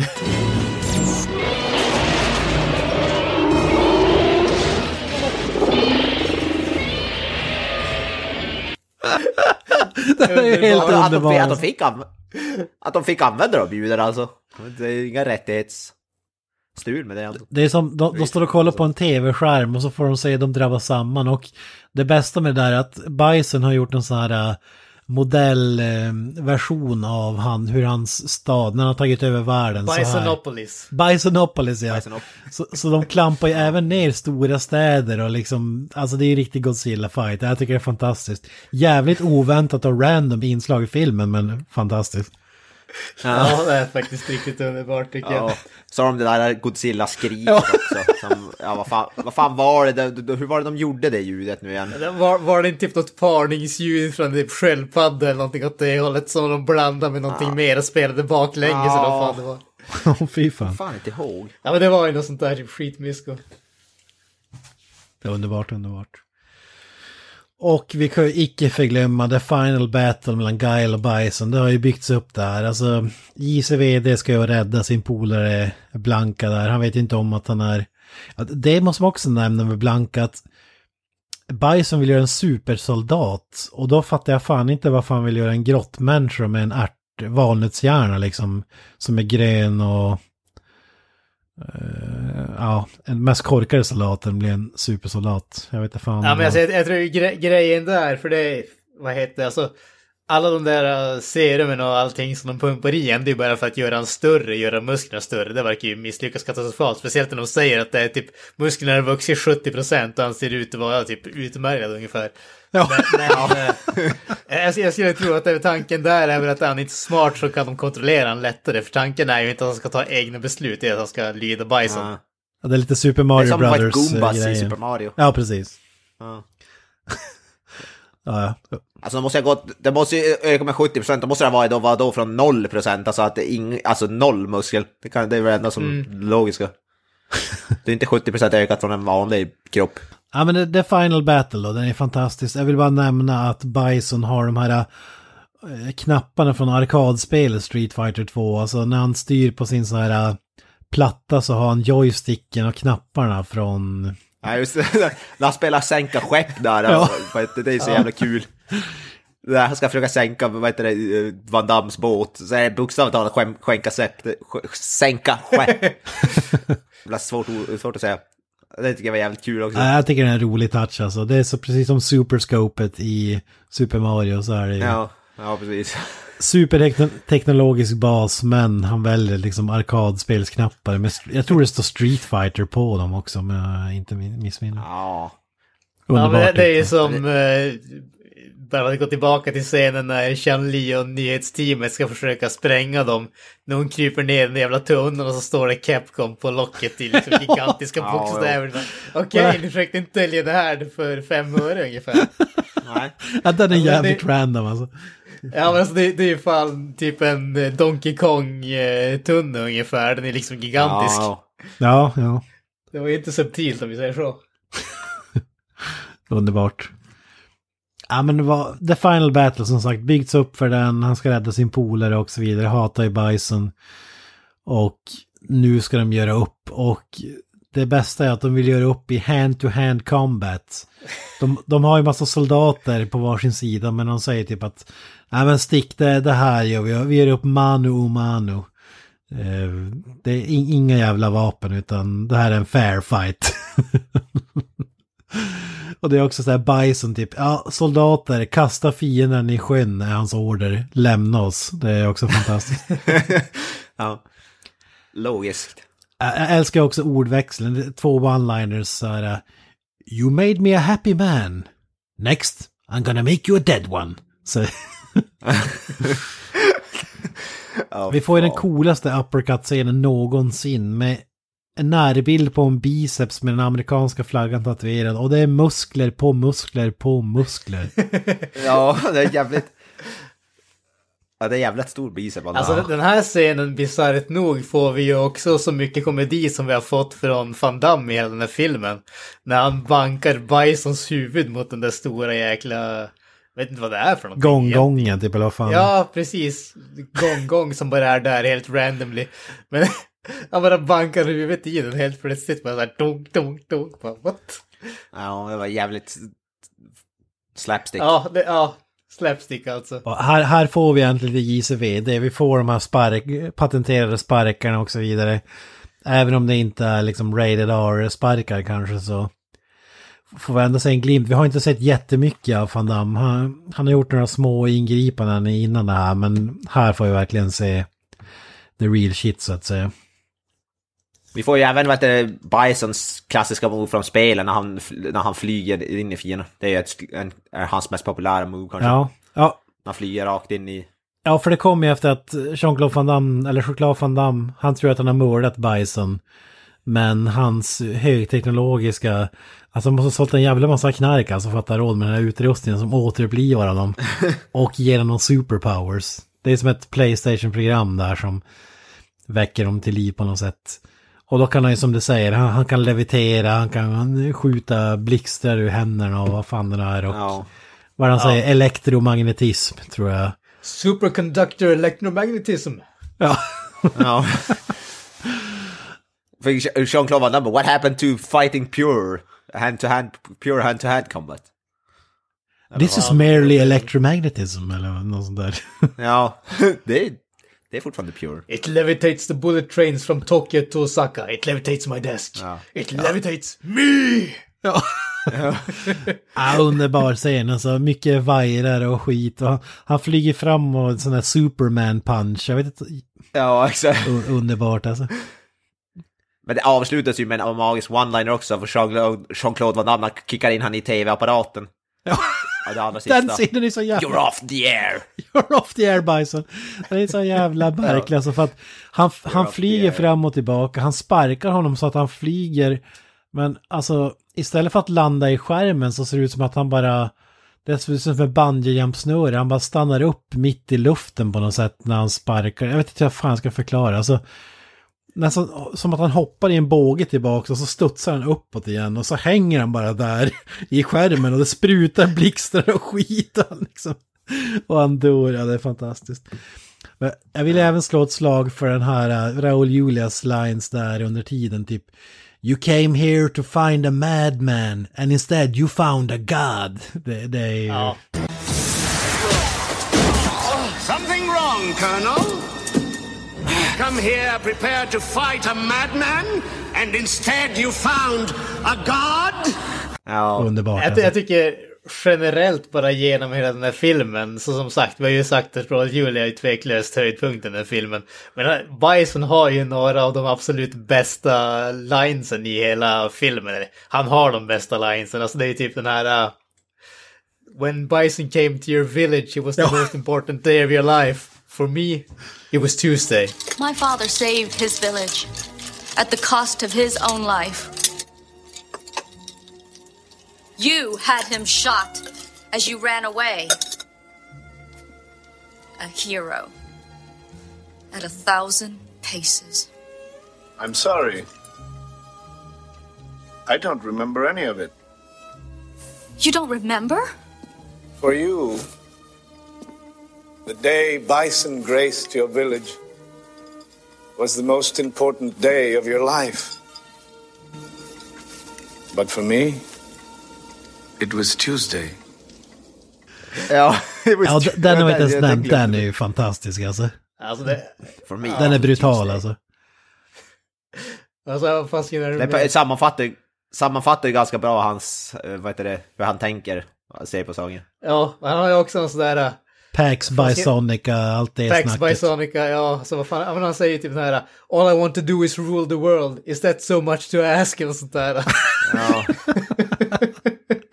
jag tycker också det är roligt att han hur mycket pengar han ber om, 20 miljarder, och det är den högsta lösensumman jag har hört i någon film någonsin tror jag. Every bison dollar will be worth five British pounds. Jag tänkte just säga det. Kids have the queen. Hans jävla bison pengar också hela tiden. Som han ger till alla som belöning och inget kan inte användas till nå. F- Fan vad jag vill ha en sån där Bison-dollar alltså. Fan vad coolt alltså. Och de nog att få tag i. Värda fem brittiska pund. Alltså, som du säger, alltså, det är så jävla kul alltså. Och där, när Sagat bara, du är för fan tok i huvudet, hur fan ska du få ut det? Ja, när jag kidnappade deras drottning. Ja, Okej, Ja, just det. Ska tvinga hon att ändra vad det, exchange raten. Ja, fan. tänk om det vore så Men enkelt. så Alltså. Ja, men på tal om alltså få betalt och pengar, vad heter det, när Zangief där pratar med den där DJ. Ja. Där han säger om någon get paid i alla fall You pay me shit ton of money. You get paid? Ja, you got, you got paid? Ja men det, det älskar mig också Zangief, han är så jävla korkad att han har hela tiden trott att Bison är the good guy. Att, eh, för att han köper allt hans propaganda och grejer. Och så sen i slutet när DJ, DJ kommer in och säger typ Ja men vakna din dumma jävel, det är ju Bison som är the bad guy. Så bara, ja men vad fan, varför jobbar du för honom om, om du vet om det? Och så bara, he paid me a ton of money. Och då säger ju den repliken liksom. Ja, you got paid? Wait, Bison is a bad guy? Ja. Ja, Bison bad guy? Och där är det Sangif som saves the day som håller uppe den här dörren så att gisslan kan ta sig ut innan skiten sprängs liksom. Det är magiskt. Alltså det, det, det jag måste säga att jag sörjer lite grann där, det är att det hade varit perfekt eh, tillfälle att liksom håller, liksom, håller på och lyfter upp den där så hade vi fått Edmond Honda kommer dit och hjälper han. Det hade ju varit liksom kronan på verket om vi säger så. Bromance moment då. Ja, men jag känner det lite grann. Men vi måste ju avsluta med den här. Vi har ju nämnt den lite snabbt tidigare, men det är så jävla fantastiskt. Alltså, Guile, hela den här skiten har han gjort för att rädda sin polare. Och när han hittar honom, Blanka då alltså, så ska han först skjuta honom i huvudet. Eh, Ja. ja, det tar inte länge innan han vill skjuta. För på vägen dit, när han sitter, kör den här jävla båten till det där Suicide Mission, då kollar han på så här filmer. Det är lite, det är lite Love is in the air mellan Charlie och Guile tror jag faktiskt. Att, Ja, Det, det, där är ju är också en något sån där scen där man inte vet vem som filmar dem. Ja, någon servitör i Frankrike eller någonting. Eh, Ja men och, och eh, det är så jävla märkligt för att sen då ändrar han sig och så Dalsim och det, det är så jävla kul det vi nämner här att Dalsim har varit en välklädd professor hela filmen. Och så klipper vi och så några scener emellan och helt plötsligt dyker han upp och då ser han fan ut som Dalsim i spelet. Allt hår är borta, han är skitig, han har kedjor, han har allt liksom. Ja, vad fan, man undrar vad fan han har varit med om de senaste tio De minuterna. kör någon BDSM-grej där under tiden som är på. Han och. Blanka har haft något... Han och Blanka har kört något 50 shades of Grey där inne. Ja det är därför, ja men jag stannar gärna med honom. Ja, de har inte tänkt att dö tillsammans, de har tänkt bara... Ja. Andra grejer. Ja, för, för då slutar det med att han lämnar, Guile, alltså Choklad van Damme, han lämnar ju Dalsim och Blanka för att dö och bara sprängs i luften. Alltså, inte, direkt inte, då är det ju bättre att skjuta dem i huvudet för det där måste vara brutal jävla död, en bomb som smäller av och typ han, kan, han kanske inte dör helt utan blir fastklämd i en massa bråte och dör en långsam död eller, ja men alltså, ja. För de klarar sig aldrig. Jag tycker Van Damme inte anstränger sig så mycket heller. Det är som att han bara kommer dit och sen köper... Okej, vi... Ja. det är inte som att han bara nej, kom med mig, jag vill, måste, rä- vi kan rädda det, vi kan få fixa det. Det är som... Han, han ändrar sig ganska fort tycker jag. slutscenen är också jävligt märklig, just som jag nämnde här när jag sammanfattar handlingen, att just när hans polare har dött, sättet han väljer att sörja på det, det är att ragga på Kylie Minogue och Chan Li inom loppet av 30 Ja. sekunder efter att han har sprungit ut därifrån. Vad är det? Hon bara, can you give me that interview? Så bara, yeah, so long as you wear that dress. Ja. ja, det här är före metoo alltså. Sjuk jävel. Ja. Och sen är det- alltså det är så jävla cringe den här gruppbilden de tar sen när det exploderar. Alltså då, då vill jag stoppa, då stoppar jag händerna i, alltså, på pannan. Ja, det är också så här, det, alla deras vänner har dött, massa så, tusentals soldater har strukit med och de har sprängt hela skiten, deras närmaste vänner stannar kvar och omkom liksom och de firar med en jävla groupie där de... Ja, de ska alltså, de ska sörja, det ska vara sorgligt och de typ, ja. För alla ställer sig i sådana så cool pose också typ. Ja, ja det är Ja, fantastiskt. det är ju poserna i spelen när de har vunnit typ. Ja, det är det karaktärens populära pose. Chan Li hoppar typ upp i luften typ. Som, jag tror hon gör det om hon, när hon vinner något i spelen, jag vet inte. Ja. Eller något sånt där. Ja men det, var- det var ju Street Fighter. Ja, för mig är det ju full pott såklart. Fantastisk film. Älskar den än idag, kan se den hur många gånger som helst. Min, det var flera år sedan jag såg den, men kommer ihåg fan mig allting. Alltså den, den är underbar. Jag, ska inte förneka att det finns supernostalgi här. Eh, sett den sedan jag var liten snorunge så att säga, om och om igen. Men det, det fan var rolig den här alltså. Alltså ännu ett bevis på att tv-spelsfilmer faktiskt är, det finns bra. ja, Super Mario. Mortal Kombat. Resident Evil. Ja, man kan säga 10 av 10 alltihop. Van Damme följde upp den här filmen med Sudden Death och den är ju värd ett avsnitt i sig. Ja men vi, jag tycker vi drar Peter Navitorius också på i, i säcken helt enkelt. Eller vad säger ni?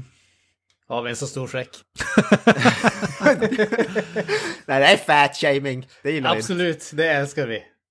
Ja, jag, jag trodde det var ett uh, genitalia joke där, men det var, det var fat shaming. Alltså. Ja. ja, den, kan, den är säkert välskapt Jag försökte också. ge en en hand men det räckte inte runt. Ask me in a month. Nej men vad är det? 10 av 10 från alla tre där? Det var... Full pott från mig, helt klart. Ja, fy fan. Ja, alltså jag, jag skulle väl kasta in den här på typ hälften av det, typ 5 av 10. Nej men Det, sluta. det, det, den är definitivt underhållande till viss del till och från, men den är aldrig så underhållande att den blir bra. Den är aldrig så dålig så att den blir bra heller riktigt tycker jag, utan den fastnar någonstans där mittemellan. Jag skulle slå ett slag för Street Fighter 2, The Animated Movie, alltså animen baserat på Street Fighter 2 som är grymt bra. Se den istället. Mm. Ja, ja, jag skulle alltså rent kvalitativ, kvalitativmässigt som en bra film så är det för mig typ så här 3 av 10 eller någonting. Eh, Men eh, underhållande som en dålig film så är den, då är den ändå typ fan kanske 6, 5, 6 av 10 eller något. Men som en film så är den ju helt värdelös. Alltså det är som säga, om man, om man inte älskar den här filmen, då har man antingen ett, inget hjärta, två, dålig smak, eller tre, du är bara en idiot. Ja. ja, då är väl jag och Granström hjärtelösa jävlar då. Ja, ja, men det är ingenting nytt. Nej, Nej. nej, det är sant. Fast jag ser ju den hellre än Mindhorn, det är ju... Det, det är Ja ju men klart- herre jävlar, det går inte ens att jämföra. Du pratar om filmens svar på cancer. Jag vet inte, eller vad säger du? Du menar Street Fighter? Nej, nej, nej, nej. Nu, Mindhorn. Fy fan. Ja, vi vill absolut inte uppmana våra lyssnare till att söka upp den här filmen utan bara spotta Nej, på sök den. inte, sök inte upp Street Fighter, kolla på Mindhorn istället. Den finns på Netflix, så den är lätt att ta på det. Vi tar kraftigt avstånd från de här kommentarerna. Eh, jag tycker vi bara en disclaimer i varje avsnitt, alltså bara i slutet, bara klippa in. Vi spelar in en bumper, så bara kom ihåg, se inte på Mindhorn. Ja, man kan inte säga det för många gånger alltså. Nej, men vi- ja, vi drar väl ihop den här k- kampsportsäcken. Kimbo Slice hade varit stolt. Ja, det hade han fan det. All hail the slice! Slice. Nej, men vi säger väl eh, tack för idag. Har ni några avslutande ord? Jag säger peace out. Hail Satan. Och up the irons. I know you like to look at yourself on television, you sick son of a bitch. So look at this. The only way you two are leaving is over my dead body. The food court should be larger. All the big franchises will want in. Darling, basic black's not really you. Prison grey, perhaps? Hey, stop! And come back here! That's great news, General. Congratulations. On the contrary, I mourn. Okay. I'm sumo, brother. My body could be in one place, my mind another. Next time your mind leaves, tell to bring back pizza.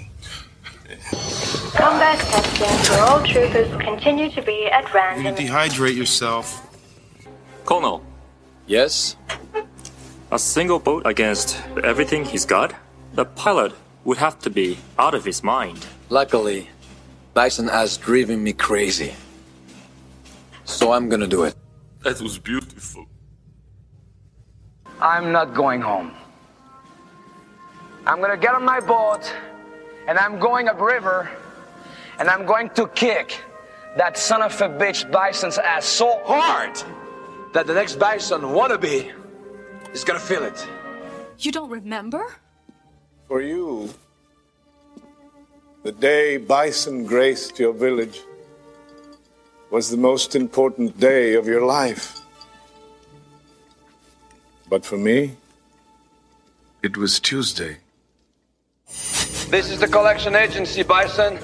Your ass is six months overdue, and it's mine. You shall be killed by a wild beast. I know women. And you are harmless. That's exactly what I wanted you to think. Yes, time!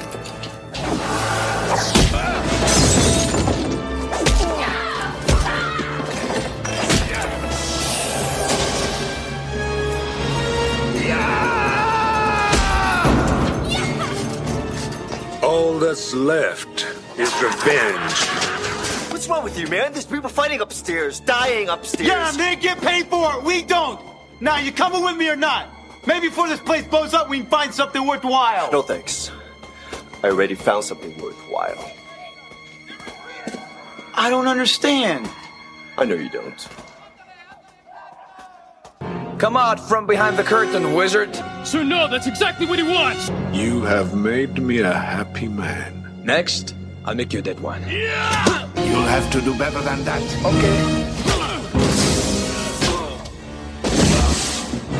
Ah! I'm just half dead. And Bison? All dead. Oh man! I should have stayed at Microsoft. Vega, where were we? You were losing. This is merely superconductor electromagnetism. Surely you've heard of it. It levitates bullet trains from Tokyo to Osaka. It levitates my desk, where I ride the saddle of the world. And it levitates me. General Bison is a bad guy. If you know this, then why do you serve him? Because he paid me a freaking fortune, you moron. You got paid? Come here prepared to fight a madman, and instead you found a god? Pigtails? Look who's talking. Keep your own god. In fact, this might be a good time to pray to him. For I beheld Satan, and he fell from heaven like lightning! He was a brave man. That's it, man. Game over, man. It's game over.